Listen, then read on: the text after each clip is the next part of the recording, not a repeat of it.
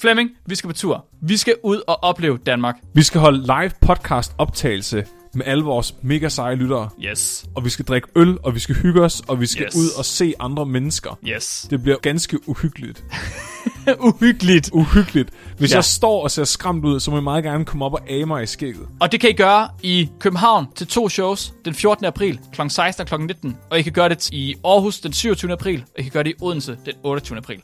Billetterne er ved at være væk. Der er stadig billetter tilbage, så man kan stadig få nogen, men det går stærkt. Så det er bare med at gå ind og få fat i en billet. Selvfølgelig tager jeg harmonikaen med. Ved du, hvad den anogenitiale distance er? Afstand, undskyld. Er det, hvor langt man løber mellem... Nej, er det afstand mellem røvhul og, og kønsorganer? Lige præcis. Okay. Det er, hvor meget plads du har at løbe på, når du tørter, Mark. Fordi du tørter den forkerte vej. Du tørter fremad, Mark, når du er på toilet. Det er så mærkeligt. Alle andre tager sig bagud, Mark. Jeg hader dig, Flemming. Det er min værste ven.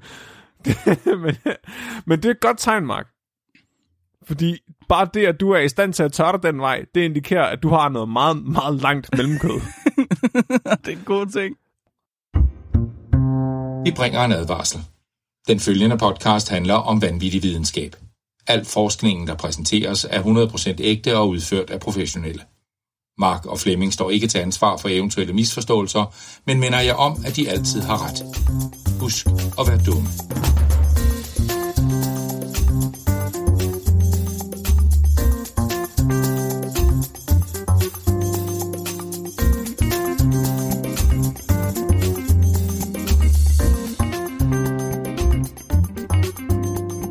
Hej alle sammen, og hjertelig velkommen til Videnskabeligt Udfordret, din bro til vanvittig videnskab.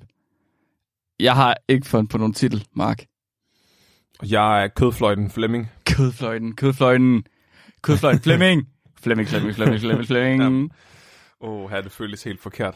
Det, det gør det faktisk. Hvorfor? Øhm, det er de tur i dag, Flemming. Det er dig, der gør det. Det, vi har skiftet, det er skiftet. Det, alt er vendt på hovedet.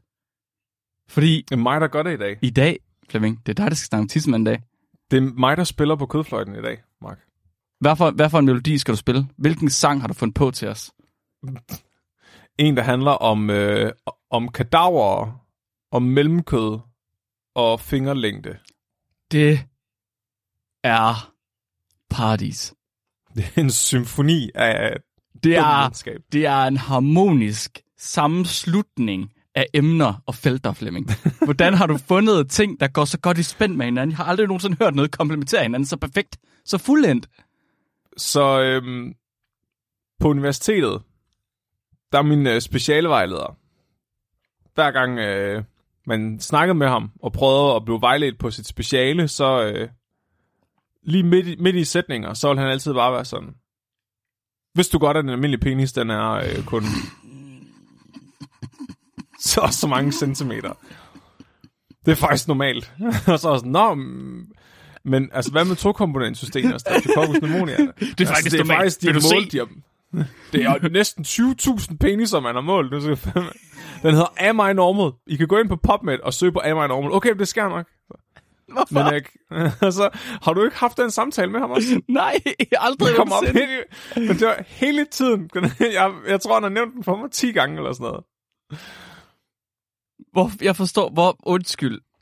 Du har, man har ikke, det er ikke normalt, det er ikke en normal samtale at have med sin specielle Flemming. Andre Der mennesker har der ikke den var nok samtale. ikke, jeg havde, okay, så jeg elsker Mikkel Girke, du er bedste specialvejleder nogensinde. Det var virkelig, vi havde kun gode samtaler. De handlede aldrig om mit speciale, men de var altid gode.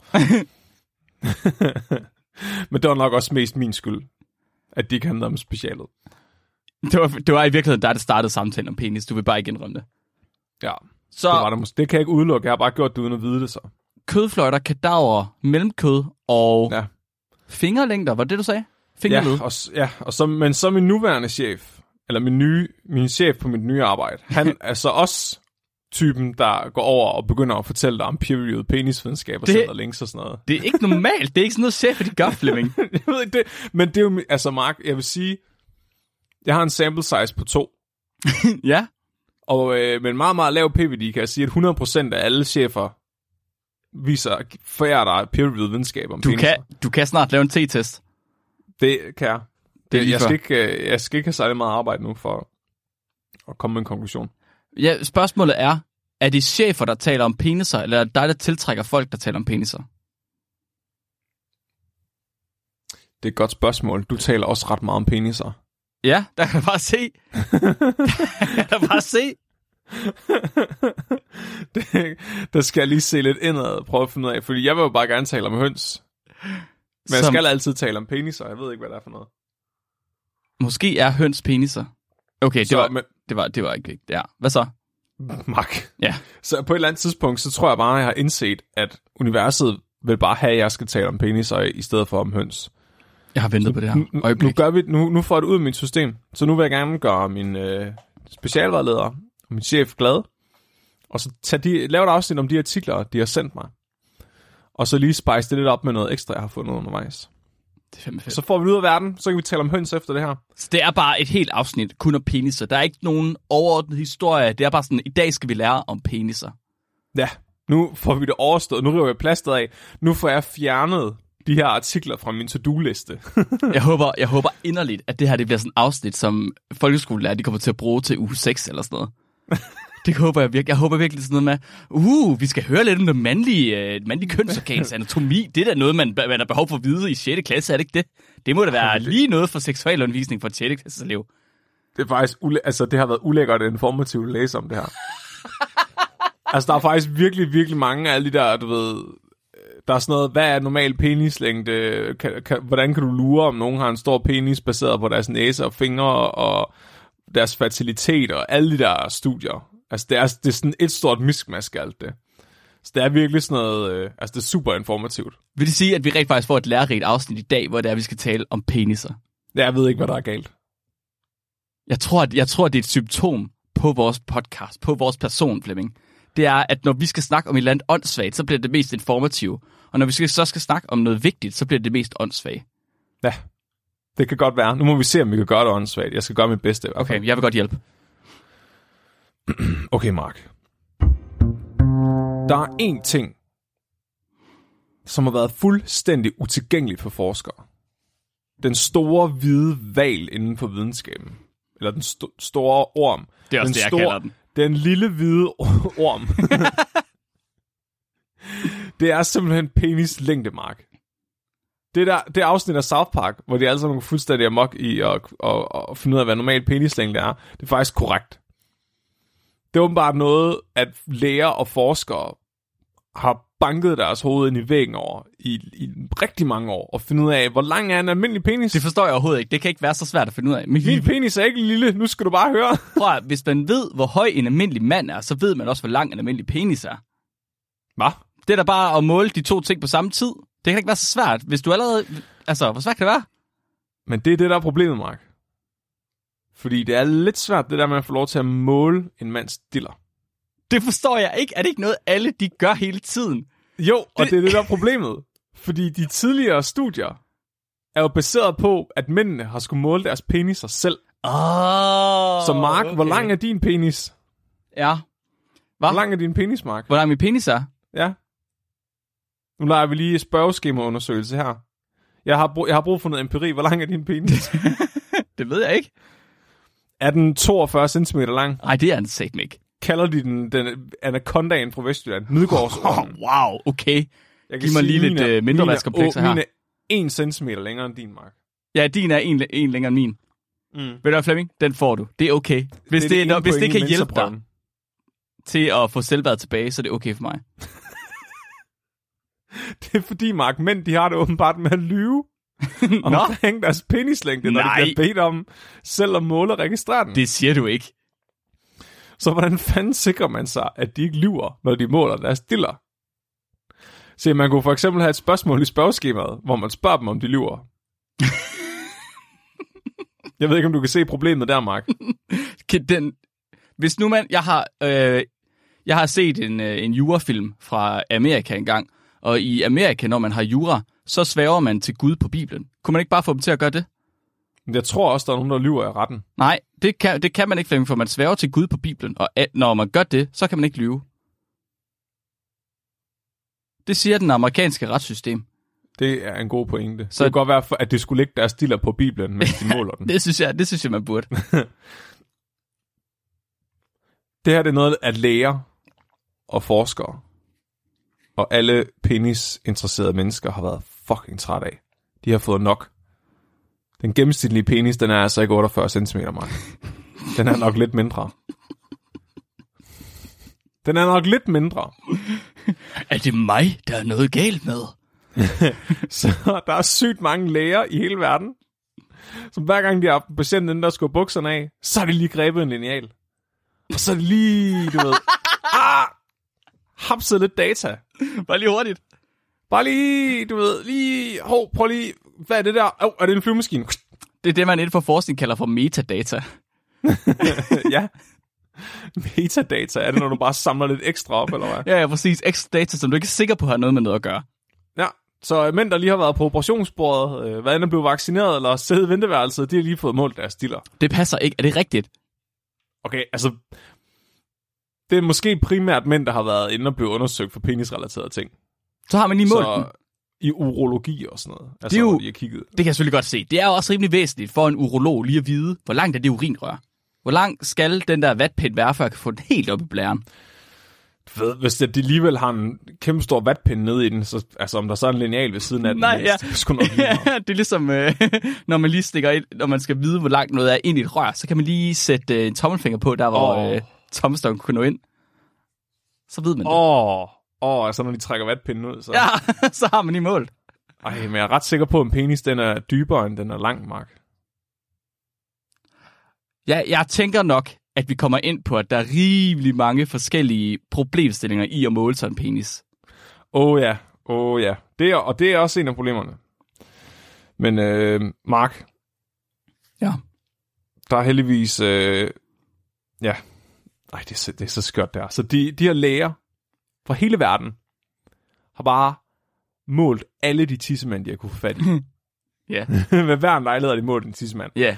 Og øhm, det er simpelthen endt med en utrolig masse små, snollede, peer forskningsartikler, som ikke har haft signifikante data, fordi de ikke har haft nok tissemænd i deres forsøg. Meta-studie. Meta-studie. Meta-studie. Jo, indtil der var nogen, der satte sig ned.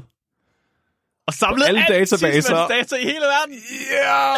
De satte sig ned og søgte på penis, længde, penislængde, bredde, penisbredde, omkreds, penisomkreds, mål, penismål, penis, penistykkelse, tykkelse, indtil de fandt 16.678 artikler. Hvor, ja, ja, ja. Hvorfor er min PhD ikke det her? Hvorfor er min PhD ikke det her metastudie? Fuck, prøv lige, prøv lige at tænke og sidde og kode de grafer. Åh, oh, det vil være, det vil være højdepunkt i min karriere. Så jeg kan få lov til har at, faktisk nogle ret pæne grafer. det er jeg slet ikke i tvivl om. Prøv at tænke på de datapunkter. Ja, men, men Mark, du kom selv ind på det, ikke? Ja. der er nogle problemer i forhold til, hvordan man måler sådan en diller. Og øh, det er åbenbart ikke, øh, der er ikke rigtig nogen sådan standard procedure for at måle en penis, som alle går efter. Okay, der er faktisk ret mange kriterier, der varierer her, så de er jo nødt til at sortere de her artikler igennem, for kun at finde de aller, aller bedste. og der når vi så lidt ud for det samme øh, fænomen, som vi havde med LSD-artiklerne, hvor man havde mange, mange tusind artikler, og så endte man med seks eller sådan noget. oh, nej. Det er lidt det, der sker. Fordi først så skal de finde ud af, om, øh, om penisen var målt af en øh, certificeret, øh, hvad hedder det? En Penismåler. health, prof- en, ja, en health professional. Om penisen er blevet målt af en person, har en relevant, relevans for at måle den her penis. Mm, ja, en, en meget relevant baggrund. En, øh, en uddannelse, der gør, at man er specialist i at måle peniser. Landmåler. Ja. Ja, la, ja. VVS'er. Øhm, ja, Tømmer. kan de du... fandme også gode til at måle. Jobopslaget siger, kan du styre en tommestok, så kan du måle peniser. Ja. Velkommen til, til, til gruppen. så øh, ville de ikke have nogen studier med, hvor der var mindre end 50 deltagere. Så altså, hvis der var mindre end 50 peniser i studiet, så gad de ikke kigge på det. Det forstår jeg faktisk ikke helt. Okay, det kan vi godt tage senere, men jeg forstår det ikke helt.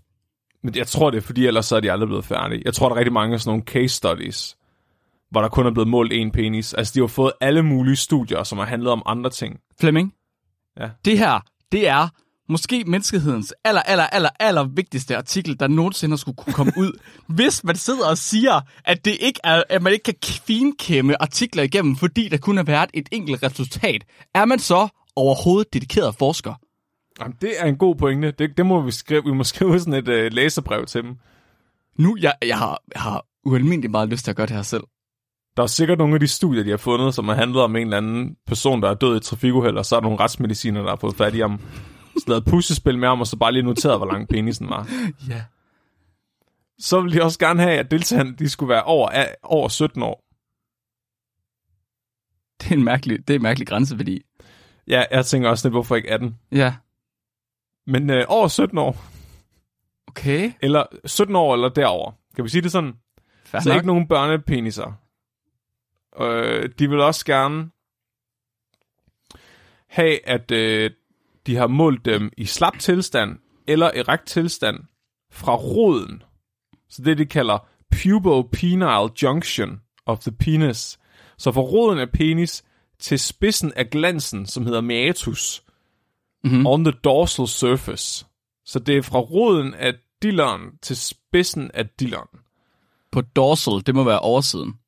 Ja, Ja. så det er nok tishullet. Og så vil de gerne sørge for, at det prepubic fat pad, så det er dellen, der sidder rundt om dilleren, bliver skubbet ind til knoglen, når man gør det her. Wow, okay. Så du skal må gerne skubbe dine deller væk, når du måler din diller. Kæft, mand. Prøv at pro, pro tip lige der. Det er, altså, så bliver min jo lige 30 cm. Hvis de har målt den slappe penis i strakt tilstand, så skal penisen være strakt maksimalt.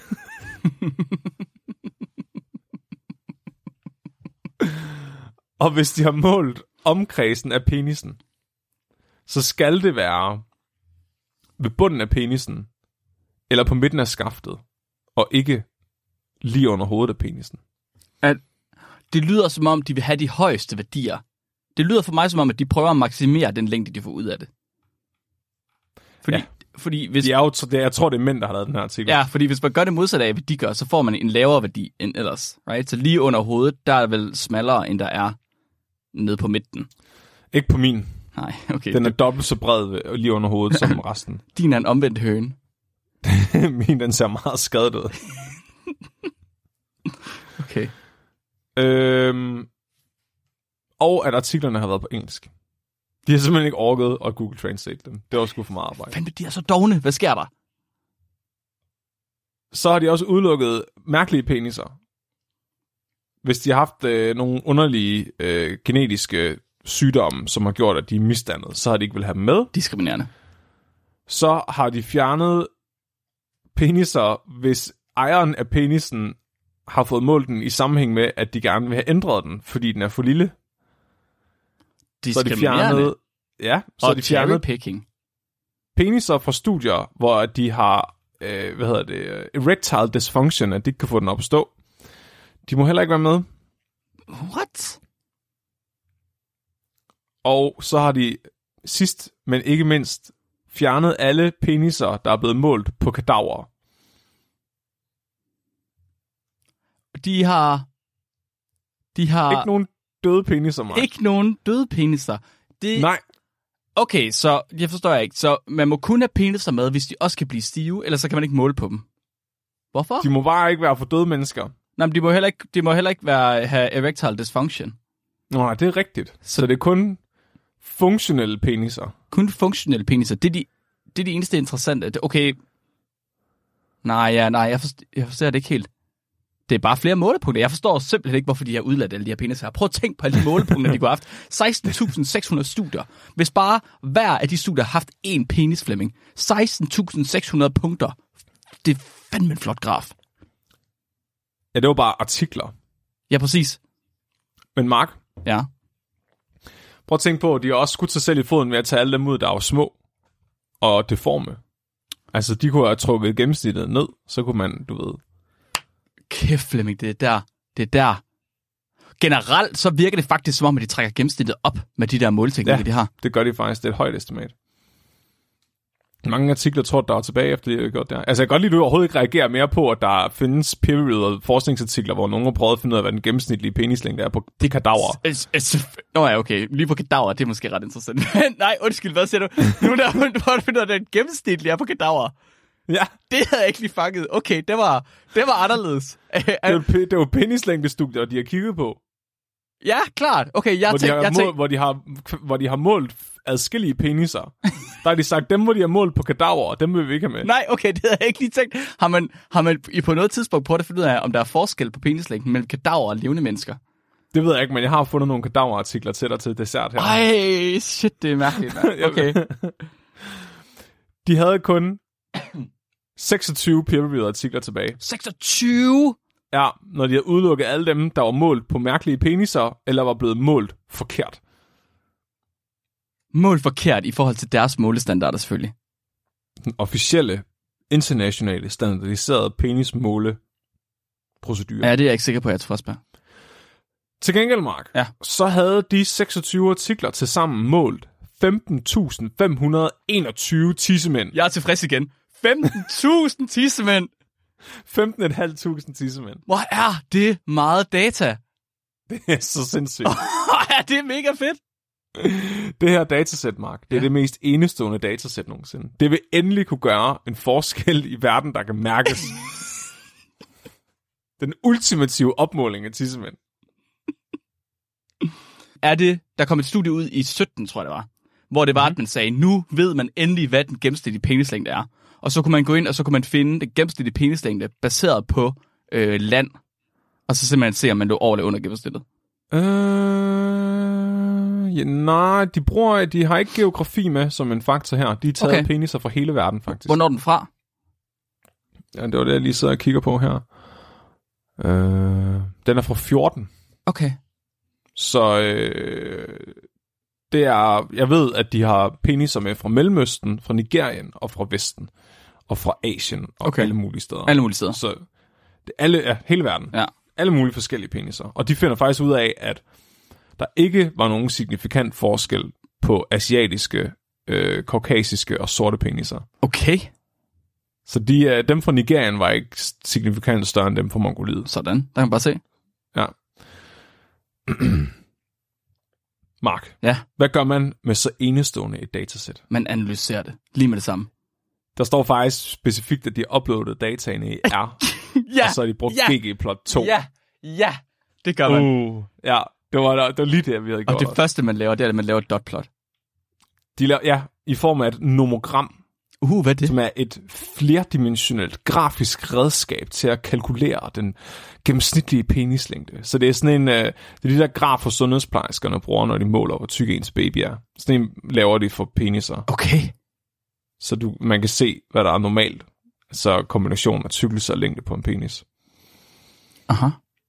Så øhm, de har ikke kun data her på penis længde. De har data på penis tykkelse, data på slap penislængde, data på strukket slap penislængde og data på stiv penislængde. De skriver selv, at en af udfordringerne, det var, at der var ikke blevet målt særlig mange stive peniser. Men der var nok til, at de kunne tage det med. Okay. Og må jeg, må jeg lige, øh, de der 15.500, er mm. det peniser, eller er det målepunkter i alt? Det er peniser. Okay, så, så, så der er måske... Ja, ja, det var det, det var det. Det var fordi, jeg tænkte så, at hvis det var alle målepunkter til sammen, og man så begynder at skille det med til alle de andre der, så kan man godt være, at man ikke har så mange målepunkter på tykkelsen, for eksempel. Og så har man lige pludselig halvt så mange peniser. Ja, præcis.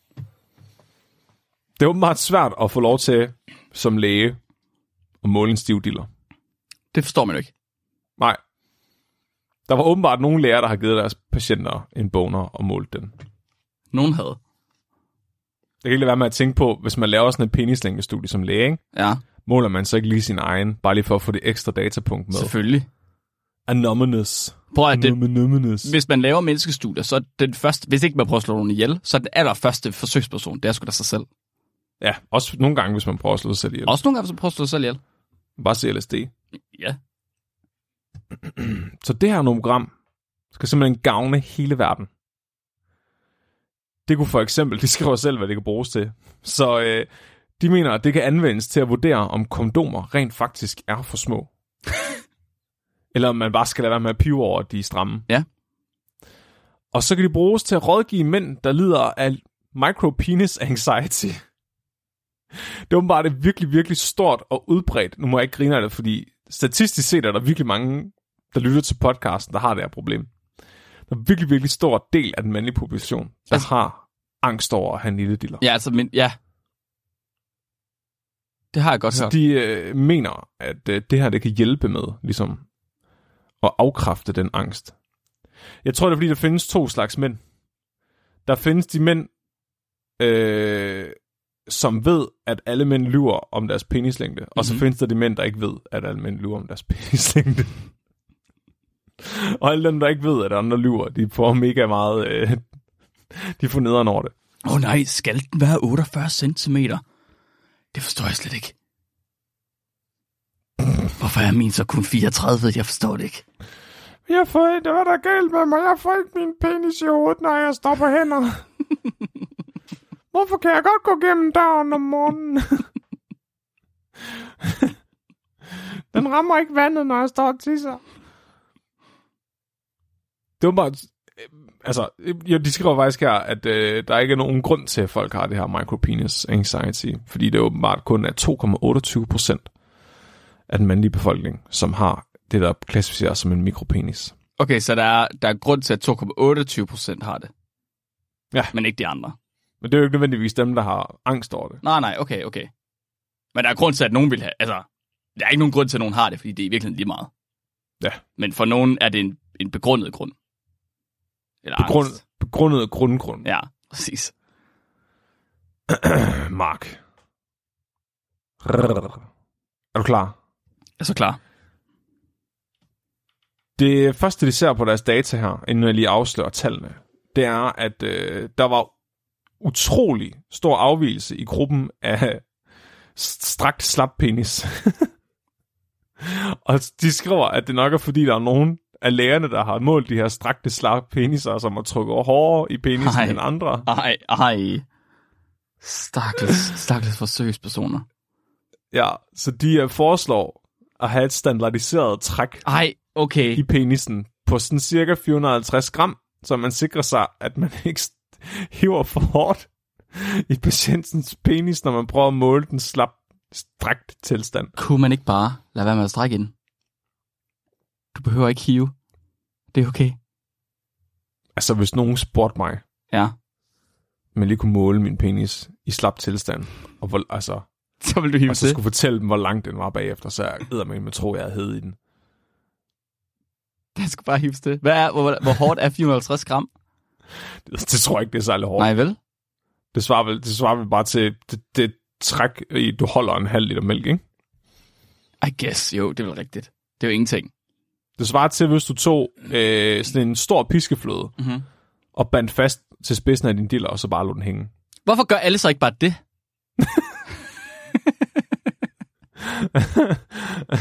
er det talt? Det ved jeg heller ikke.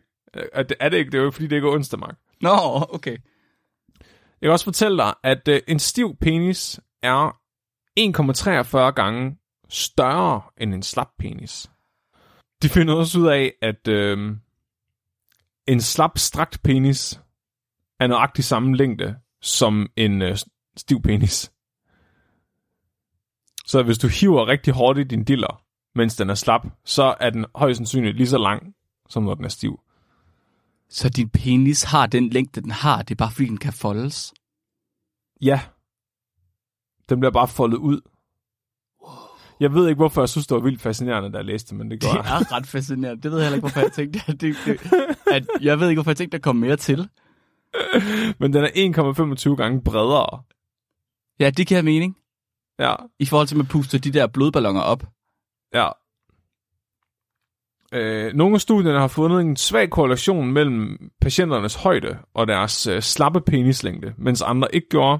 Så det ser der ikke nogen definitiv sammenhæng mellem højde og penislængde. Øh, der var heller ikke nogen i forhold til BMI. Der var nogen, der fandt en svag sammenhæng mellem øh, det, der hedder digit ratio, Så øh, det kommer vi ind på lidt senere, men det er længdeforholdet mellem ens ringefinger og ens pegefinger. Der hvis man er blevet udsat for mere testosteron i fostertilstanden, når ens mor var gravid, så bliver ens ringefinger længere end ens pegefinger. Og der har så været en teori om, at det så også fører til længere penis. Hvad hvis de er lige lange? Prøv lige at se, Mark. Må jeg lige se? Altså, mine er næsten lige lange. Ah, dine ringefinger er så lidt længere end dine pegefinger. Er den det? Skal man ikke Lidt. kigge hernede fra, eller sådan noget? Hvad? Det er spidserne. Ja, ja, Så men du du kan ikke tage sådan her- fordi de sidder jo forskellige steder på hånden, Flemming. Hvad? De sidder forskellige steder på hånden. Dine ringefinger er længere end dine pegefinger nu. Okay, for, for fanden min tommelstød. nice. Du er så nøjagtig, Mark. Jeg skal ikke, jeg kan ikke have det her. Hvor Men måler af, man? at der er en... s- Hvordan måler man? Ned til knogen. Okay, mine ringefinger er 9,3. Altså, når de viser figurerne i videnskabelige artikler, så tager de bare hånden op. Fuck, du har kraftet noget ret. Mine ringefinger er 9,3, min pegefinger er 8,5. Nu skal jeg have min tomstok. Det er du nødt til. Det er mærkeligt, fordi når man bare holder den op, men det passer selvfølgelig også, men det gør det også komme ind på, at man drejer den. Okay, jeg har en uh, lineal. Syret. er det normalt, at fingrene på den ene hånd er længere end på den anden hånd? Det tror jeg er godt... Det ved jeg ikke. Det er faktisk et godt spørgsmål. Okay, så mine ringefinger er sådan cirka en halv centimeter længere end mine pegefinger. Okay. Det var også det, jeg kom Min frem til. pegefinger er 7,7, og min ringefinger, den er 8,4. Din pegefinger er ikke kun 7,7, så må du anderledes, end jeg gør. Gør det? Ja, fordi jeg får det til 9. Måler du på over, overfladen eller undersiden? Inden, håndfladen eller på overfladen af hånden? Øh. Oversiden af håndfladen, nede ved knogen. Nede ved knogen? Ja, okay, hvordan gør vi? Hvordan gør vi det her? Jeg måler inden i min hånd. Inde i Fra din hånd, fra, det, fra ledet. For rynken nede i bunden. Ja, det er ondt. Det kan jeg godt med til. Okay, så har jeg 7,3 på pegefingeren og 7,5 på langefingeren. Okay, så vi har begge to længere ringefingre end pegefinger. Men ikke meget. Meget mark. Normalt så er de lige lange. Er de? Det er standard. Så i kvinder, der er de lige lange. Er de? Ja. Kvinder, de har en gennemsnitlig digit ratio mellem de to fingre på 0,97. What? Så det vil sige, at de er 97% ens, de to fingre hos kvinder i gennemsnit. Så, det er, så hvis der er forskel på længden, så er det på grund af testosteron eller androgene stoffer i øh, fostertilstand. Men der er der sådan nogen, der finder ud af, at der måske er en lille sammenhæng. Længere ringefinger i forhold til pegefinger kan hænge sammen med længere penis, men der er også nogen, der mener, at det gør det ikke. Okay. Så hvis der er en sammenhæng, så er den vag, eller også er den der Ikke eksisterende. Ikke. Ja. De finder også ud af, at øh, fodstørrelse og klunkestørrelse har svag korrelation til penislængden, men stadigvæk ikke noget, der er værd at tale om. Og så finder de også ud af, at øh, jo ældre man er, des tykkere bliver ens penis. Aha. Og, ikke, men ikke længere, kun når den er slap. så jeg ved ikke. Den bliver ikke længere, når den er stiv. Hvad betyder det, Flemming? Kan du ikke sætte det her data i kontekst for mig? Jeg forstår det ikke. Øh, det betyder, at din penis aldrig nogensinde bliver længere, end den er nu, Fuck. når det tæller. Fuck. Ja. Nå. Oh, en ja. gennemsnitlig penismark. Ja. En normal penis. Den er 6 cm, hvis du tager dellen rundt om dilleren, trykker den ind, og så måler fra bunden af dellen, og så ud til spidsen af dilleren. Hvis du hiver i den, mens du gør det her, så er den 9,8 cm. Og hvis den er stiv, så er den 13 cm. det, det, det, går, det går ikke op. Du sagde, Nej, at det går, det går lidt imod det, de skrev tidligere. Ja. Det er rent. det gør det lidt. Okay, men så den gennemsnitlige penis er 13 cm i stiv tilstand. Ja. Jeg var, jeg var ualmindeligt tæt på, og det er lidt problematisk, for vi sidder på webcam med Discord her. Jeg var ualmindeligt tæt på bare at altså, hive bukserne af og begynde at måle. ja, nu sidder jeg med tomstokken fremme. Nu er det virkelig svært. Du må godt slukke for dit webcam, Mark.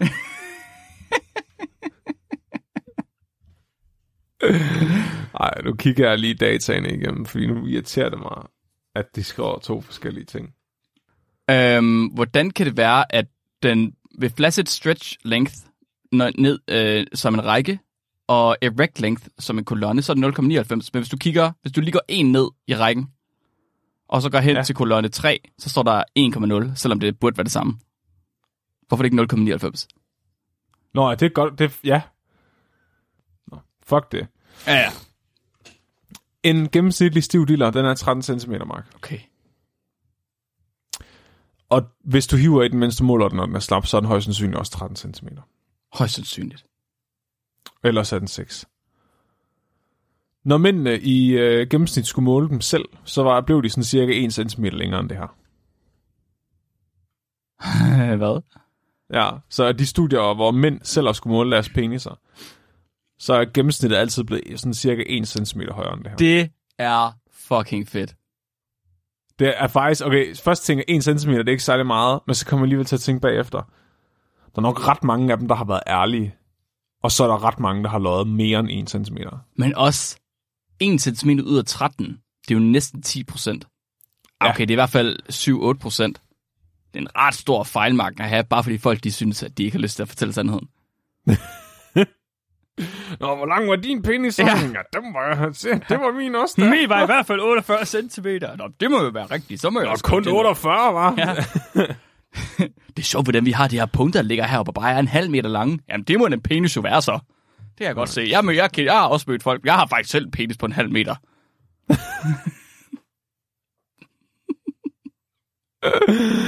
Åh, oh, gud. Ja, så øh, de skriver, at i fremtiden, der vil de gerne have, at man sikrer sig at holde øh, konstant temperatur. Eller i hvert fald undersøge, om temperaturen har en indvirkning på det her. De vil også gerne sørge for, at øh, ophidsetheden af patienterne kontrolleres. Ja, det. Fordi det er øh, en variabel, man kan stille på og styre på.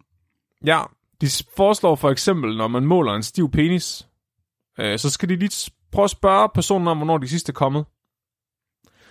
Fordi de mener, at hvis det nu er rigtig længe siden, så kan det være, at der kommer endnu mere blod i den, og så bliver den bare endnu større, fordi de bare ikke har bonet så længe. Er det noget, de ved noget om? Det, nej, men de vil gerne vide det. Det tror jeg simpelthen ikke på, det er rigtigt. Så øh, de skriver, at det er en mulighed. Det var noget, man kunne undersøge. kunne lige forstå, Så, kunne du, øh, prøv at det der med, at du kan, du kan styre, hvor ophidset du er. Ej, hey, skat, skal vi, øh, skal vi, skal vi lige lege lidt ting? Jamen, jeg, kan- jeg, det, det, kan vi ikke. Jeg kan se, du er kun, du er kun 30% opstemt. Det er, ikke, det er slet ikke nok. Du, vi, skal, vi skal lige, vi må op det tal. Jeg skruer lige lidt Kom. på knappen, så vi kommer op på 70. Ved 70, der kan man, så kan man donke, men ikke før. Kun ved 70. Det er ligesom, øh, man får en de der klemmer, man bruger til at måle ens øh, kropsfedtsprocent. Du ved, hvor man hiver ud i sin maveskin, og så klemmer man på den for at se, hvor fed man er. Så en får man til peniseren. Op og opstemt er du. Jeg måle hårdheden af penisen. ja. De foreslår også, at hvis man gerne vil måle en stiv penis, så er det en god idé, at patienten gør den stiv selv. Enten ved at give patienten adgang til pornografisk materiale, eller ved at give patienten lov til selv at pille ved den. Mm-hmm. Alternativt kan der også øh, gives en indsprøjtning. Hvorfor er det ikke deres første bud? er det ikke det mest kontrollerede? Jeg elsker bare, at de føler, at de er nødt til at sige, at det måske ikke er så passende, hvis lægerne gør den stiv. At de lige sådan, Kom så, lille makker! Kom så ud af fjerne, du! Der skal du måles! Oh, fuck. Og så mener de også, at det kunne være interessant at lave et studie, hvor man undersøger, om penisen bliver endnu større, når den er stiv, hvis der er en sexet partner til stede. Uh. Så simpelthen at undersøge, om der findes en, øh, en gokkeboner og en bolleboner. Ej, okay, prøv lige at holde, så de mener, de tror helt seriøst på, at der er en, at det kan stige til et vis procentsat. Du kan regulere graden af bonerhed. Ja, Så- så... det, altså det vil de jo gerne undersøge, det er deres hypotese. Har de, ja, har de lavet det studie nu? Nej, men de vil gerne, det står på Future Perspectives, de kunne godt tænke sig nogen, der lavede den undersøgelse. Flemming, den artikel er fra 2014. Hvis ikke de lavet det studie nu, så kommer de aldrig til at lave det. Vi gør det. Der er jo helt, altså prøv at høre, når, når feltet, penismålefeltet, er så stort, så er der på et eller andet tidspunkt nogen, der er nødt til at gøre det her, fordi ellers er de løbet tør for alt andet. Jeg har allerede, jeg har allerede forsøget i mit hoved. Jeg har allerede forsøgsopsætning. Jeg ved, hvordan vi gør det her. Jeg ved, hvad vi gør, Flemming. Jeg har, vi, skal skrive, vi skriver en ansøgning, men det, det er nødt til at være vores artikel. Det skal være videnskabeligt udfordret artikel, det her. Hvem, okay, prøv lige at vente lidt. Hvem får vi til at stille op som værende den sexede partner? Det ved det, Katja Kine. Hvad med. Nikolaj? Det ved jeg sgu da ikke. Ja, Nikolaj var en god idé. Ja. Det var en virkelig god idé. Altså, hvis vi lige smi- altså, staser ham lidt op, giver ham noget sminke på, og Kan man springe skalaen? spuler ham en gang. Fjerner det værste halm. ja, rær hans hår en gang. Så kunne vi jo godt, øh, altså, Jeg er ikke, se en med, en, en gruppe med Nikolaj, og en gruppe uden Nikolaj. jeg er ikke sikker på, at det er forsvarligt. Er han for ophidsende? Ja, det tror jeg. Jeg tror, jeg tror, vi, deres så skal, peniser eksploderer. altså, vi skal have en læge til at stå standby, så. Ja, til at stoppe blødningerne. Ja. Juhu! skal bare Nikolaj til at stå og spille på guitar for dem, så siger det bare... "Urgh!" Nej, men... Øh, okay, det er sjovt. Det er sjovt at grine om penislængde, Mark. mm-hmm. Vi skal nok også huske, at komme med en disclaimer og sige, at vi begge to har meget små, grimme, deforme peniser. Det, Men at vi bare er nået til et punkt i vores liv, hvor vi har accepteret, at det er sådan, vi ser ud. det er slet ikke det. Ved du hvad? og at, at vi bare skulder vores usikkerhed i dårlige jokes. Vi gemmer os bag vores lille mikrofon. Ja, så til alle vores mandelytter derude, som har micropenis anxiety, det har vi også. Men vi, vi har, vores forsvarsmekanisme, det er bare at, at gemme det. Vores Fordi er forsvarsmekanisme er jeres underholdning. ja, præcis. Det er, øh, hvad hedder det, um, det er sådan mænd, de dealer med ting. Mm. Det er ved at conceal det, og så øh, joke med det. Græd i badet. Ja, når du kan alene. Fordi du ikke tør at gå i bad med de andre efter fodbold. Det er sjovt, de, de nævner faktisk et studie, hvor man har snakket med 52.031 heteroseksuelle mænd og kvinder. Og man har fundet ud af, at 85% af kvinder, de er faktisk tilfredse med deres partners penisstørrelse. Men kun 55% af mænd er tilfredse med deres penisstørrelse. Så du ved, det er kun halvdelen af mænd i de her parforhold er tilfredse med deres penis, men 85% af kvinderne er tilfredse med den. Hvor siger det bare virkelig meget om, hvor, hvor, hvor giftigt, altså toksisk maskulinitet, det der med, at man virkelig vil være mere, end man er, og man ikke, og man ikke taler om et parforhold, og man ikke får det afstemt, og man ikke får fundet ud af, det er ikke så stort et problem. Man er bare, måske, det i virkeligheden, måske er det ikke på grund af partner, man vil have en større penis. Måske er det fordi, at så kan man stå og svinge med den ned i fodboldbadet. Måske er det fordi, man skal kunne sige til de andre gutter, har du set den her svæber her? Den kan, jeg kan faktisk nå ud til, nå ud til kummen med den herfra. Det er faktisk, hvis jeg, jeg, jeg trækker den nogle gange hen ad fortovet. Den kan faktisk, den kan være helt der. Det er ligesom geviret på en hjort. Det er bare til at slås med. det, det, sex er slet ikke en del af det her. Nej, Ej, den det har bare den helt perfekt. Den har en helt perfekt størrelse til mig. Hold nu kæft. Du skal bare sige, au, au, au, jeg dør. Det kan godt være, at han har en perfekt størrelse, men kan bruges til sværkamp?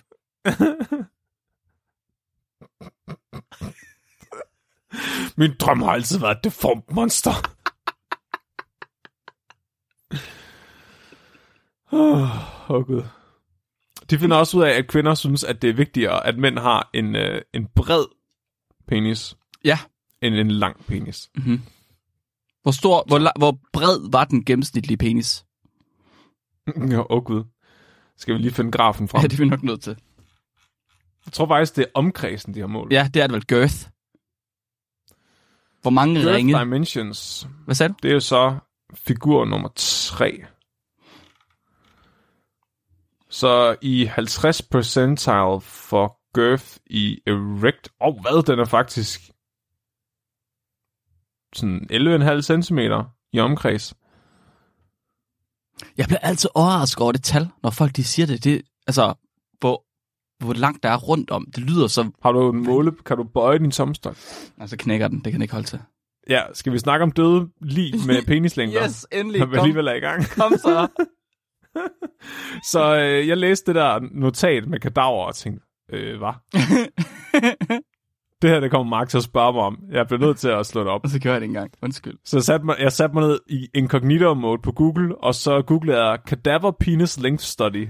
Og det, og det Og troede jeg du var blev, nok. jeg, jeg blev, ja, det var det. Og jeg blev ikke skuffet, fordi der var edderpærk med mange peer artikler, der handlede om penislængde på kadaver. Det kan... Hvor... Und, hvad? De der, de der retsfor, retsmediciner der, der er, et eller andet, der er et eller andet galt med dem. De er forskruet på en eller anden måde.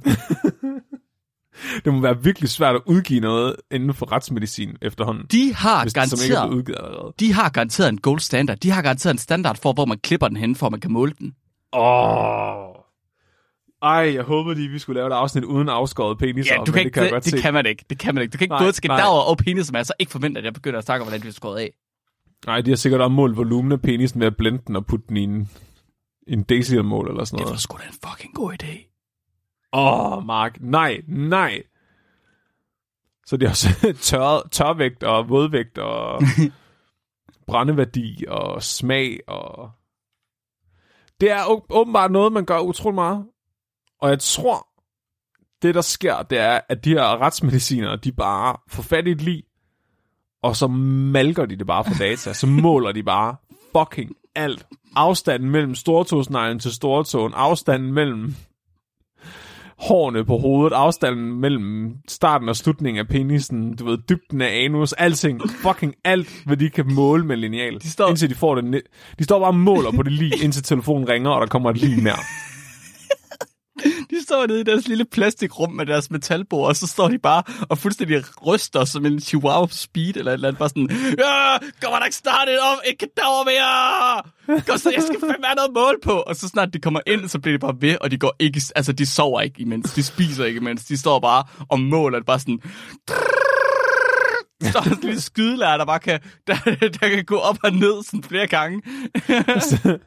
Sådan en rødglødende til sidst. ja, præcis. De, øhm, et eksempel på en af de her artikler, jeg fandt. Jeg gik, jeg gik ind og begyndte at læse en af dem, bare for at finde ud af, hvad fuck det her det går ud på. Fordi det var et forskningsfelt, jeg ikke var klar over, fandtes.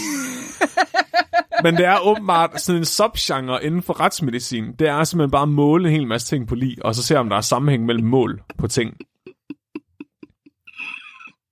Kan vide, meget lever og må, øh, vejer. Det kan vi sgu da finde ud af, Kenneth.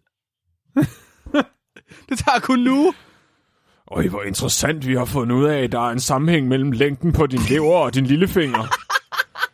Det er faktisk ret interessant. Hvis du kigger på din lillefinger, så og den er kortere end din, lille, end din store tog, så er det fordi din lever den i gennemsnit er 17,3 cm i stedet for 17,52. Er det der, alle de der åndssvage facts, de kommer fra?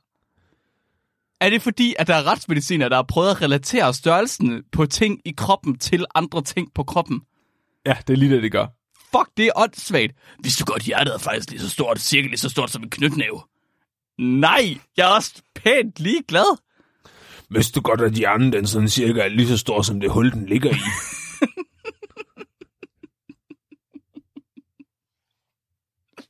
Okay. Så de har målt peniser.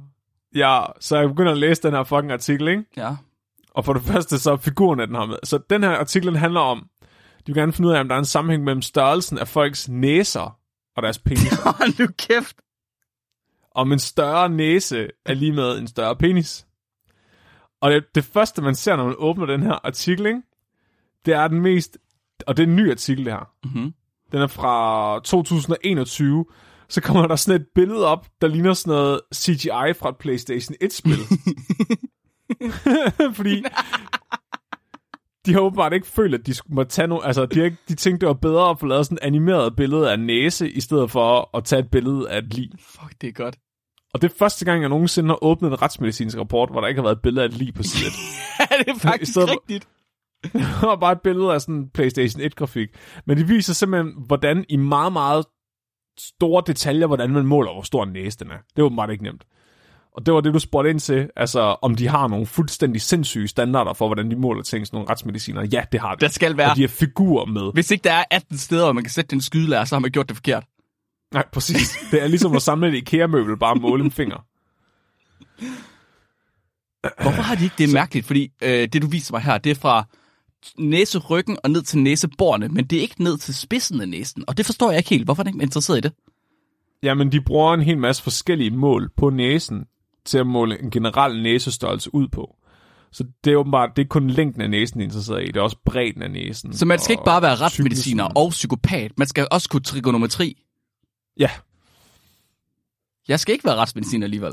jeg er ret sikker på, at det her var Pythagoras' mål med sin det var det, han gjorde. Det var det, han lavede. Perfekte måde at måle en næse på. Så øh, de finder ud af, at øh, der var en lille, en vag sammenhæng mellem næsestørrelse og penisstørrelse. Var den signifikant? Ja, de havde ikke nok øh, data med. Jeg tror, de havde 100 lige eller sådan noget. 126 lige. Havde de målt penisstørrelsen og næsestørrelsen på 126 lige Ja, til et studie? ja. Og det er det sjove, Mark, fordi jeg, jeg tænkte sådan, okay, nu har jeg læst, nu har jeg lige læst abstractet, ikke? Nu ved jeg, øh, hvad, det, det gør man altid, når man, når man åbner sådan en artikel, ikke? Så læser man lige abstractet, fordi så ved man, hvad artiklen handler om, og hvad de finder ud af, og så ved man, når man gider læse artiklen. Så jeg satte mig ned og læste, okay, er der sammenhæng mellem længden på en penis og størrelsen af næse? Så siger de, ja, der er en vag sammenhæng. Fint nok. Jeg læser lige artiklen for at se, hvordan de har gjort det. Så jeg går i gang med introduktionen, og så starter den med, der findes mange uidentificerede lige hver eneste dag. De her lige er ikke altid døde på grund af terror eller naturkatastrofer. Nogle gange er de bare døde, du ved. Det er et stort problem verden over med de her lige, der ikke er identificeret. I Japan, der finder vi tusind lige hvert år, vi ikke identificerer. Jeg var sådan, hvad? Hvad handler den her artikel om? Jeg troede, jeg skulle læse om penislængde og næsestørrelse. Nu skriver de bare om lige. Deres formål er, hvis vi, kan, hvis vi kan relatere størrelsen på en penis til størrelsen på næsen, kan vi hjælpe med at identificere lige bedre. Ja, præcis, præcis. Det er det. Det Hvis du, ikke. finder et liv, hvor nogen har skåret næsen af, så kan du måle penisen, og så kan du bedre, Nej, du har aldrig kæft. så kan du bedre genskabe, hvordan personen har set ud som levende jo. Og hvis du har en lige, hvor der er nogen, der har skåret penisen af, så kan du bare vise den næsen, og så sådan, ja, min partners penis var præcis 14,8 cm i ægget tilstand. Jeg, jeg, jeg kan ikke huske, hvordan hans ansigt så ud, men den penis glemmer jeg aldrig. Vi har lavet den her 3D-printede model af den. Du prøver, prøver lige at stikke den ind, så kan du mærke efter, føles det her rigtigt. Det er alt sammen baseret på næsens anatomi. Ja, det her, det er min søn. Fordi det afsnit af CSI, hvor de bare har sådan en flyvende 3D-model, hvor de har sådan en rekonstruktion af næsen, og de sidder bare og siger mærkelige science-ord. Vi brugte trigonometri og anatomi til at rekonstruere denne næse, sådan at vi kunne korrelere størrelsen på næsen til længden på penisen. Og det Og så er morfer den der- Karsten. Så morfer den der 3D-næse ind til en 3D-penis. Bo, bo, bo, kæmpe review. og, så, og så ved seeren bare med det samme, hvem skurken er. Men den var lang nok.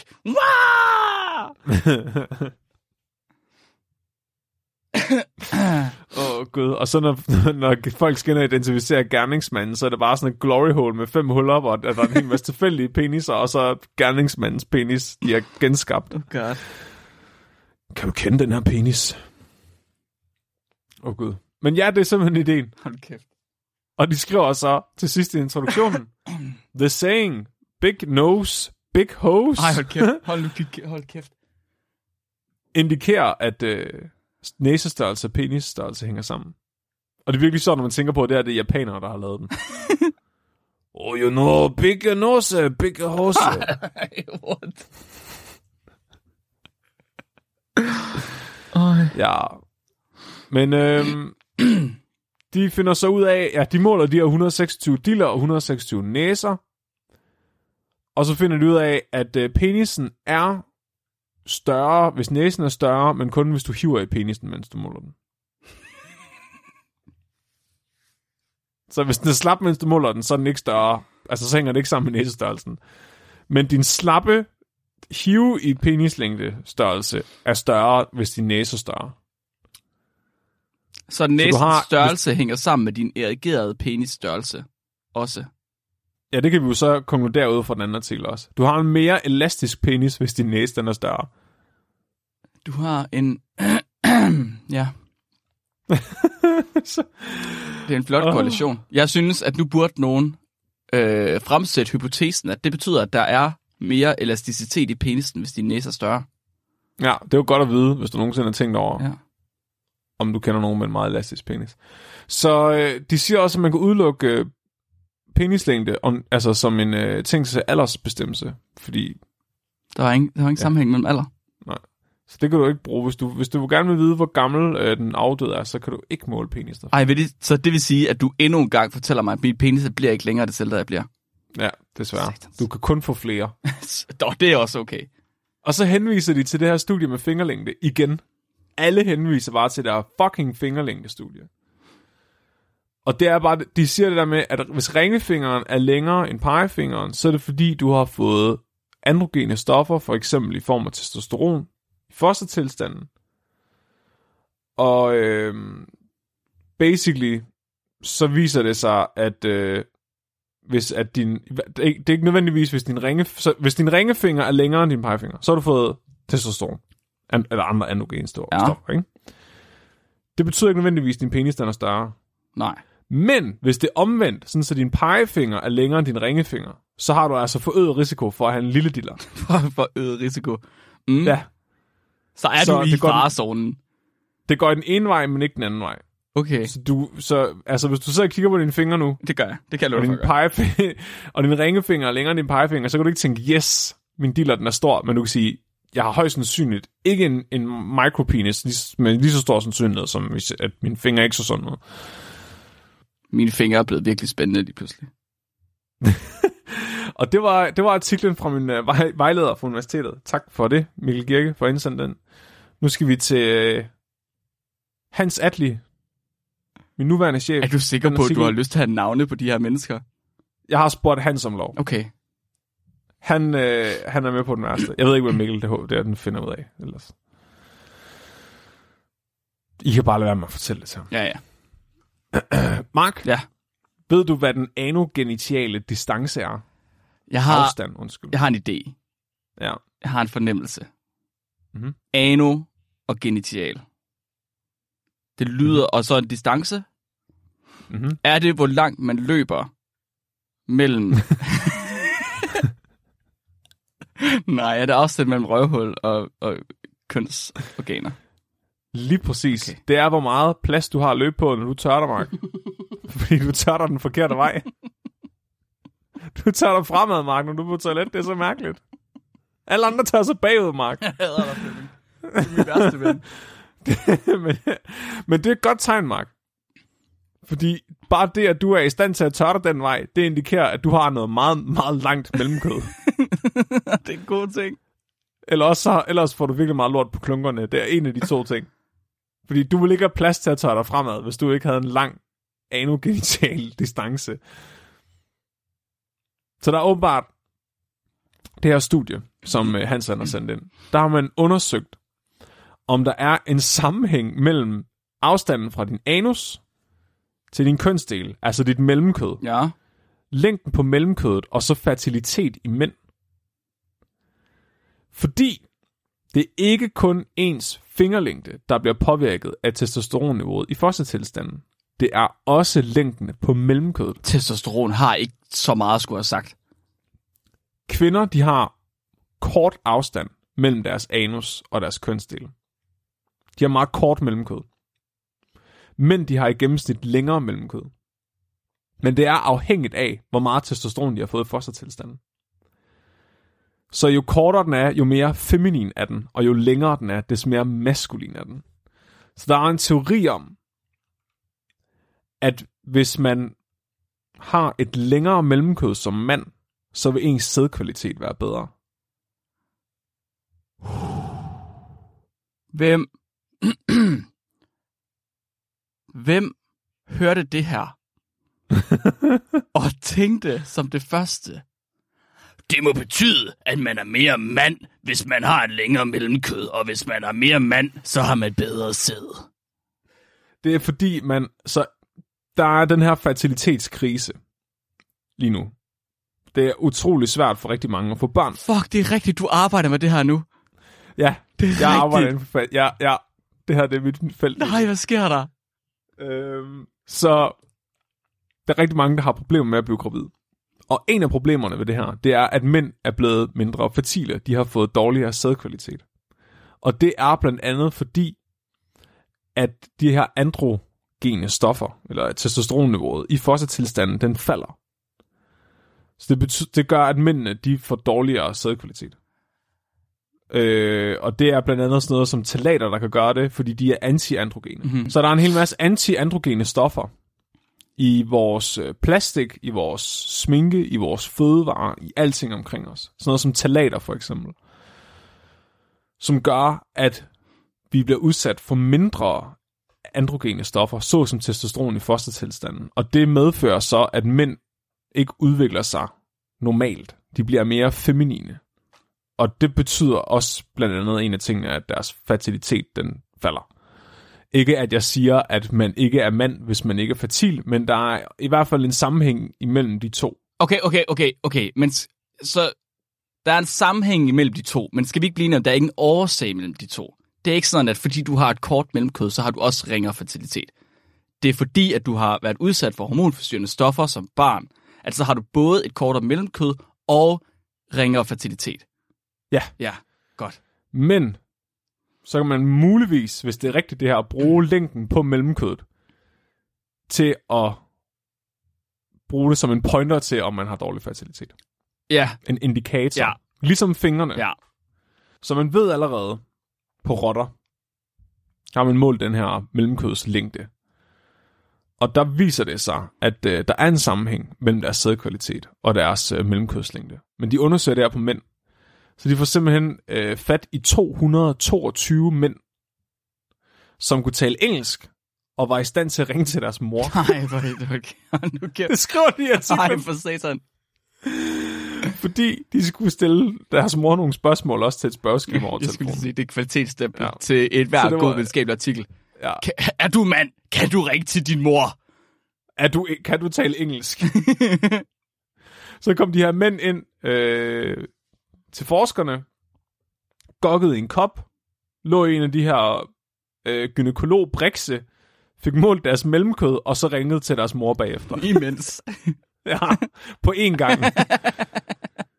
Alle de her mænd, de var mellem 18 og 22 år, så de var relativt unge. Mhm. De var sådan nogenlunde normalvægtige alle sammen, og øh, de fleste af dem røg ikke. Okay. Så det var faktisk sunde unge mænd. Mhm. Alligevel fandt de ud af, da de undersøgte deres sædkvalitet, at kun, at, hvad hedder det, 25% af de her mænd, de var det, man kalder subfertile. Det vil sige, at deres sædkvalitet, den var så dårlig, at det var usandsynligt for dem at få et barn uden fertilitetsbehandling. Wow. Ja, men så korrelerede det så også sædkvaliteten med mellemkødslængden, og så så de simpelthen, at de mænd, der, altså der var en korrelation mellem de to. Så de kunne simpelthen korrelere sædkvaliteten med længden på mellemkødet. En stærk koalition. Mhm. What? Så øh, top 25% mellemkødslængde, det er, hvis din mellemkød, så det, hvis du gerne vil måle det selv, Mark, så er det fra kanten af din anus til lige der, hvor din første fold på klunkerne er. De har ikke været, Jeg har de har ikke været tømrer, de der. Der måler man fra center af hul. Ja, men det prøver de også, men der er ikke nogen korrelation. De prøver også fra toppen af penisen. Wow, stop. Hvis de flytter det ned til centret af røvhullet, så er der ikke nogen korrelation. Mm, Det har jeg svært ved at se. Jeg, jeg, faktisk lidt, jeg, jeg prøver lige at vise dig, hvordan... De har faktisk lavet en figur, hvor de viser, hvor skydeladet det skal placeres hen. Ja. Og igen, Det er, skydelærer. fra, undskyld, det er fra midten af hullet. Okay, okay, okay. Så de, er, de, de kunne godt have været tømmer, ja. Jeg forstår. Du kan se her. Du har virkelig, du interagerer godt nok med afsnittet i dag, Mark. Det er dejligt. Undskyld, undskyld. Det er endelig, vi får snakket om noget, du, giver, du virkelig, det, virkelig deltager Det er meget vigtigt aktivt. for mig, det her. undskyld, jeg er ked af det, hvis jeg Du plejer aldrig at være så deltagende, når jeg præsenterer. Du plejer bare altid at sidde og blive mere og mere blå i hovedet, indtil du spørger, om jeg er færdig. Så det er den, du skal kigge på. Det er den, der hedder AGD underscore AS. Ja. Den er god. Så det er Den er, bunden af klunkerne. Ja. den er her med i min mentale, min mentale bank. ja, de finder ud af, at der er en sammenhæng mellem AGD AS, som er mellemkødslængden, Mhm. mm-hmm. med fertilitet, men ikke AGD underscore AP, som er toppen af kønsdelene til anus. Toppen af kønsdelene, er det så spidsen af penis? Nej, det er nok roden af penis. Okay, Toppen Ah. af roden. jeg skal lige, jeg skal lige have min mentale billede styret, så det, den vej, og så... Øh, Ja, ja. Hvis, du, hvis du er i top 25 procent, Mhm. så, har, så er dit mellemkød 61 mm eller længere. Hvis du er i bunden 25 procent, altså i den laveste quantile, er det ikke det, man kalder det, så er den 43 mm eller længere. Eller kortere, undskyld. Så det vil sige, Hvis du er i den fertile gruppe, så har du et mellemkød på 6 cm. Hvis du er i den subfertile gruppe, så har du et mellemkød på 4,3 cm. Please, folk derude, jeg ved godt, I virkelig gerne vil måle det her. Tag lige hjem fra arbejde først. Please, lad, lad være med at gøre det ud Hold- toilettet ude på arbejde. Lad, ja. Sæt, hold lige ind til siden, Ja. og øh, sluk bilen inden. Det er meget vigtigt, at I holder Øh, ind til siden. Tænd havariblinket, hvis I er ude på motorvejen. Få lige, prøv lige, få lige en anden bilist til at komme ind og hjælpe jer. Det er ikke noget, man gør selv, det Ja. her. Man skal bruge en marker. For guds skyld, ja, hvis I har lyst til at gøre det her, sørg for at få nogen til at hjælpe. meget fordi det er altså virkelig svært at gøre korrekt fra den vinkel. Der er 7,3 gange så stor risiko for en, der ligger i den her lave gruppe, en korte gruppe, som for en i den lange gruppe, lange mellemkødsgruppe, for at være subfertile. 7,3 gange så stor risiko. Ja, ja. Wow, det er voldsomt. Så hvis dit mellemkød er 4 cm i stedet for 6 cm, så er der syv gange så stor sandsynlighed for, at du ikke kan få et barn. Åh, uden det er voldsomt. Okay. fertilitet. Ja. Og de siger, at det her det er godt at vide, fordi den her mellem, længden af mellemkød, den ændrer sig ikke på grund af miljøfaktorer senere i livet. Ah. Så det vil sige, hvis du får en mand ind, som har fertilitetsproblemer, og du skal guide ham, Mm-hmm. så kan du lige starte med at måle mellemkødet, fordi mellemkødet bliver ikke kortere af, at han er stresset, Nej, præcis. eller kortere af, at han spiser dårligt. Så der er ingen grund til, altså så kan du ligesom, så kan du basere vejledningen på, om det er noget miljøbetinget, Mhm. mm-hmm. eller om det simpelthen er genetisk. Det er jo faktisk virkelig, virkelig Altså, væsentligt.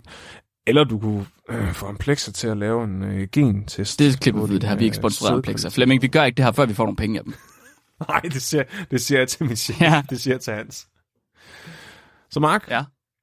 hvad, har, hvad har vi lært i dag? Jeg, jeg kan fortælle, at jeg har lært så meget. Jeg har lært virkelig, virkelig mange ting. Og kæft, hvor har jeg lært mange ting. Jeg har lært, Ja, det er- at der åbenbart, selvom man er virkelig, virkelig kritisk over for penisstudier, så kan, har man målt på 15.500 peniser. Selv hvis man er virkelig kritisk. Det gør mig virkelig glad. Ja. Jeg har lært, at øh, der er et felt, et subfelt af retsmedicin, hvor at man måler på et penislængder på afdøde mennesker og prøver at korrelere dem til andre ting på kroppen. Ja. Og så har jeg lært, at jeg lige skal ind og finde ud af, om jeg er subfertil. Mål, mål længden på de mellem. Jeg har ikke engang skydelag, jeg har kun tommestok. Så vestjysk er jeg. Skal Helene hjælpe dig, eller hvad? Det, det tror jeg fandme, vi er nødt til. Du må lige, øh, du må lige øh, skrive på Discord senere, hvad du finder ud af. Hvor meget må man strække i penis, mens man måler AGD underscore AS? det går jo ikke, det går vel lige meget. Dit mellemkød bliver ikke længere af, du strækker penis. Gør det ikke det? Kan man ikke godt hive lidt i det? Hive dit mellemkød. Ja. Du har jo hævet dit mellemkød he- hele livet, hver gang du har taget Det er dig. faktisk rigtigt. Jeg tror, du har... Altså, hvis, faktisk du, trukket hvis, det dit sammen. mellemkød, hvis dit mellemkød kun er 4 cm, og du stadigvæk tørrer dig frem, så kan du lige så godt indrømme, så får du altså lort på klumperne nogle det gange. gør man ikke! Så kan man ikke, Mark. Det, det er det, jeg siger til dig. Du må være meget fertil, fordi ellers ville det ikke kunne lade sig gøre for dig at tørre dig den vej. Altså ja, altså det... det Du vil slet ikke have plads til det. Har du ikke tænkt over, at det bliver et problem, når du bliver ældre, og dine kugler begynder at hænge mere? lad os snakke om noget andet.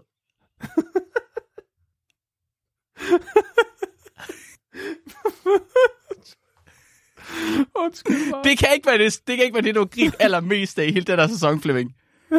jo. Det kan jeg ikke have. Oh. Det, er det, er virkelig, sjovt. Så øh, hvis I gerne vil læse de her artikler selv, så lægger jeg dem selvfølgelig op i afsnitbeskrivelsen på et eller andet tidspunkt, efter der er nogen, der brokker sig over, jeg har glemt at gøre det. Ellers så øh, den med de 15.000 peniser, den hedder Am I Normal? A Systematic Review and Construction of Nomograms of Flaccid and Erect Penis Length and Circumference in up to 1521 men. Det var en lang Næste, den hedder øh, Shorter Anogenital Distance Predicts Poor Semen Quality in Young Men in Prøv lige Rochester, stoppe, New du, York. du snakker på, jeg kan slet ikke nå at skrive med. Hvad siger du? En gang til. Du må bare øh, pause det og spole tilbage Okay, mig. Second to fourth digit ratio, a predictor of adult penile length. Og så den sidste, no size indicates maximum penile length. Det er virkelig smukt. Jeg er virkelig, jeg er virkelig, Tak. jeg er målløs. Jeg er, mit liv er, er forandret for evigt til det bedre. Jamen, jeg er glad for, at jeg endelig kunne lave et afsnit, der interesserer dig. Jeg kan fandme godt love dig for, at det næste afsnit, det kommer til at handle om høns. Fra den ene yderlighed til den anden yderlighed. ja, ja. Podcastens uh, bread and butter, ja. penis og høns. Hold kæft, mand. Ja. Tusind tak for det, Flemming. Det var, øhm, du er færdig, ikke? No, Så, jeg, jeg, så er jeg så færdig med det her nu. peniser. jeg ved ikke, jeg er alt for meget penis i dag. Jeg er alt for meget penis i dag. Det var meget, meget smukt. Jeg, øh, jeg ved slet ikke, hvad jeg skal sige. Det her det er måske mit yndlingsafsnit for nogen, nogensinde overhovedet. Skal vi tage et lytterspørgsmål, Flemming? Jeg har fået, det her det kan måske gøre det lidt glad. Jeg har fået et øh, spørgsmål fra Elliot, og Elliot har skrevet ind og spurgt, kommer høns i puberteten? Og har det så noget at gøre med, hvornår de begynder at gale? Altså hanen selvfølgelig.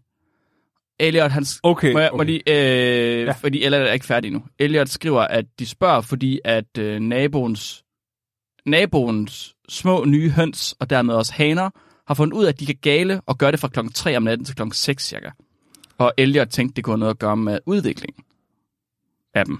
Ja. Ja. ja. Det er rigtigt. De, øh, du, sådan nogle teenagehaner, det er det mest forfærdelige at være i nærheden af. Så når de begynder at komme i puberteten og begynder at lære gale, så gør de det hele tiden. Fordi de øver sig.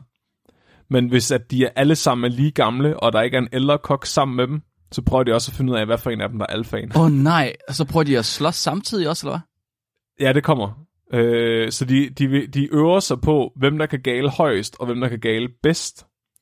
Og på et eller andet tidspunkt, når der kommer en hakkeorden i hønsegården, så vil den ene hane være den, der får lov til at gale, altså den, der bestemmer over hønsene, fordi han bruger det til at signalere, hvornår de skal stoppe, og hvornår der er mad og sådan noget.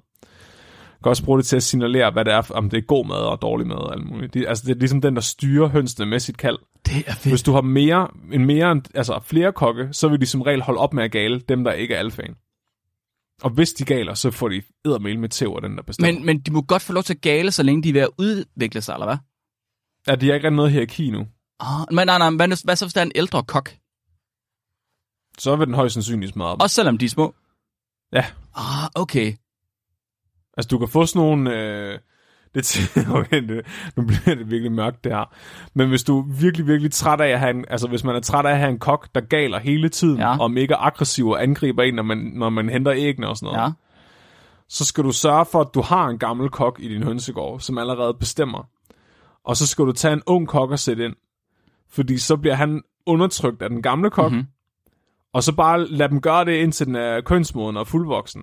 Så fjerner du den gamle kok. Så har du, så har du den her Nej, sindssygt nej, så har du den her, kok. den her, ned, den her bankede unge kok, der, ikke, der bare ikke tør gøre noget som helst. Det er sådan en, jeg har lige nu. Den er, altså, hvis der, hvis der kommer et andet, at de bliver bange for, så løber den ind i hønsehuset og gemmer sig. og hønsene, de er ude alene. Hvad gør hønsene så, når den der kok, den ikke rigtig tør gøre noget? Altså, den går stadigvæk og vækker dem om morgenen og viser dem maden og alt det der. Okay, så der er stadig sådan, du ved, alfaen, det er stadig den, der bestemmer, eller hvad? Ja, ja, altså, den, den guider hønsene. Den passer ikke på dem, så den angriber. Den, når vi kommer og tager æggene, så stikker den ikke. Nej! Og den er heller ikke sådan, at den galer hele tiden. Det er sgu da ret perfekt. Ja. Rimelig uetisk, men ret perfekt. Kæft, mand. Tusind tak for spørgsmålet, Eliot. Jeg elsker, når der kommer nogle med hønsespørgsmål, som Flemming han kan svare på. Jamen, det er rart lige at få det oven på det her Ja, penis. det tænkte jeg nok. Flemmo, er der noget, du gerne vil øh, fortælle folk, at de skal gøre? Eller noget, du gerne vil have... Bare fortæl dem, måske. Jamen, øh, jeg tænker bare, hvis man har gået og overvejet, om man skulle støtte os partier, mm-hmm. Mhm. så er nu et rigtig godt tidspunkt at gøre det på. Okay.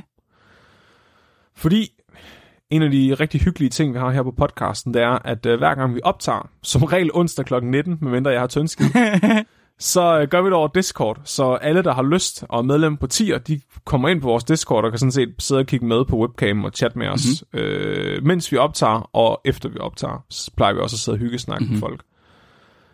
Hvis I gerne vil være med til det, så er nu tidspunktet, fordi Mark han tager til Singapore lige om lidt, Ja, det er rigtigt.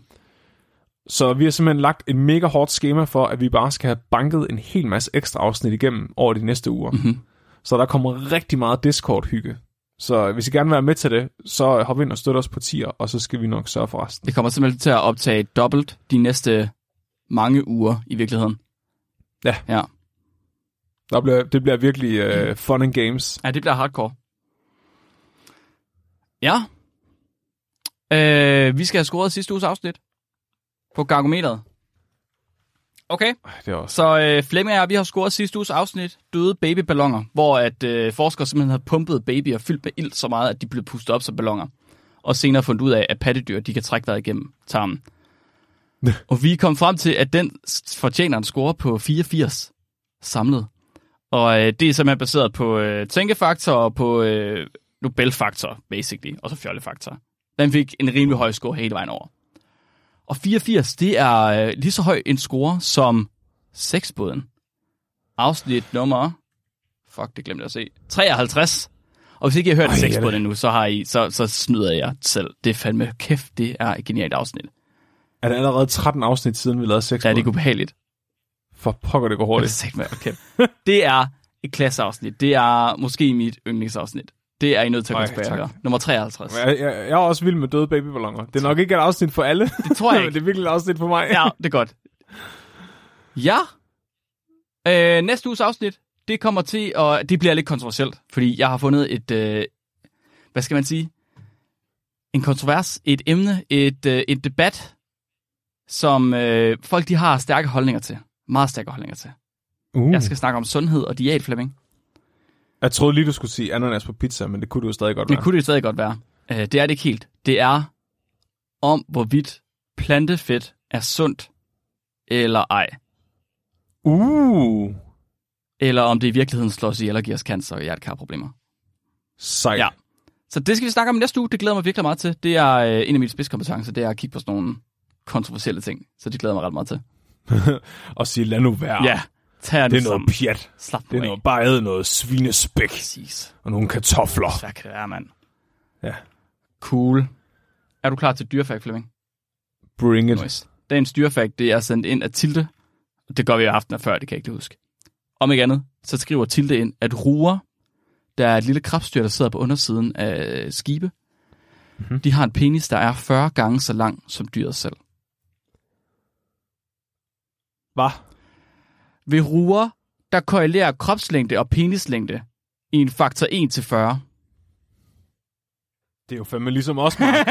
oh, lo, lo, lo, lo, lo, lo. Mit navn er Mit Mark. navn er Flemming. du er blevet videnskabeligt udfordret. Du skal være dum.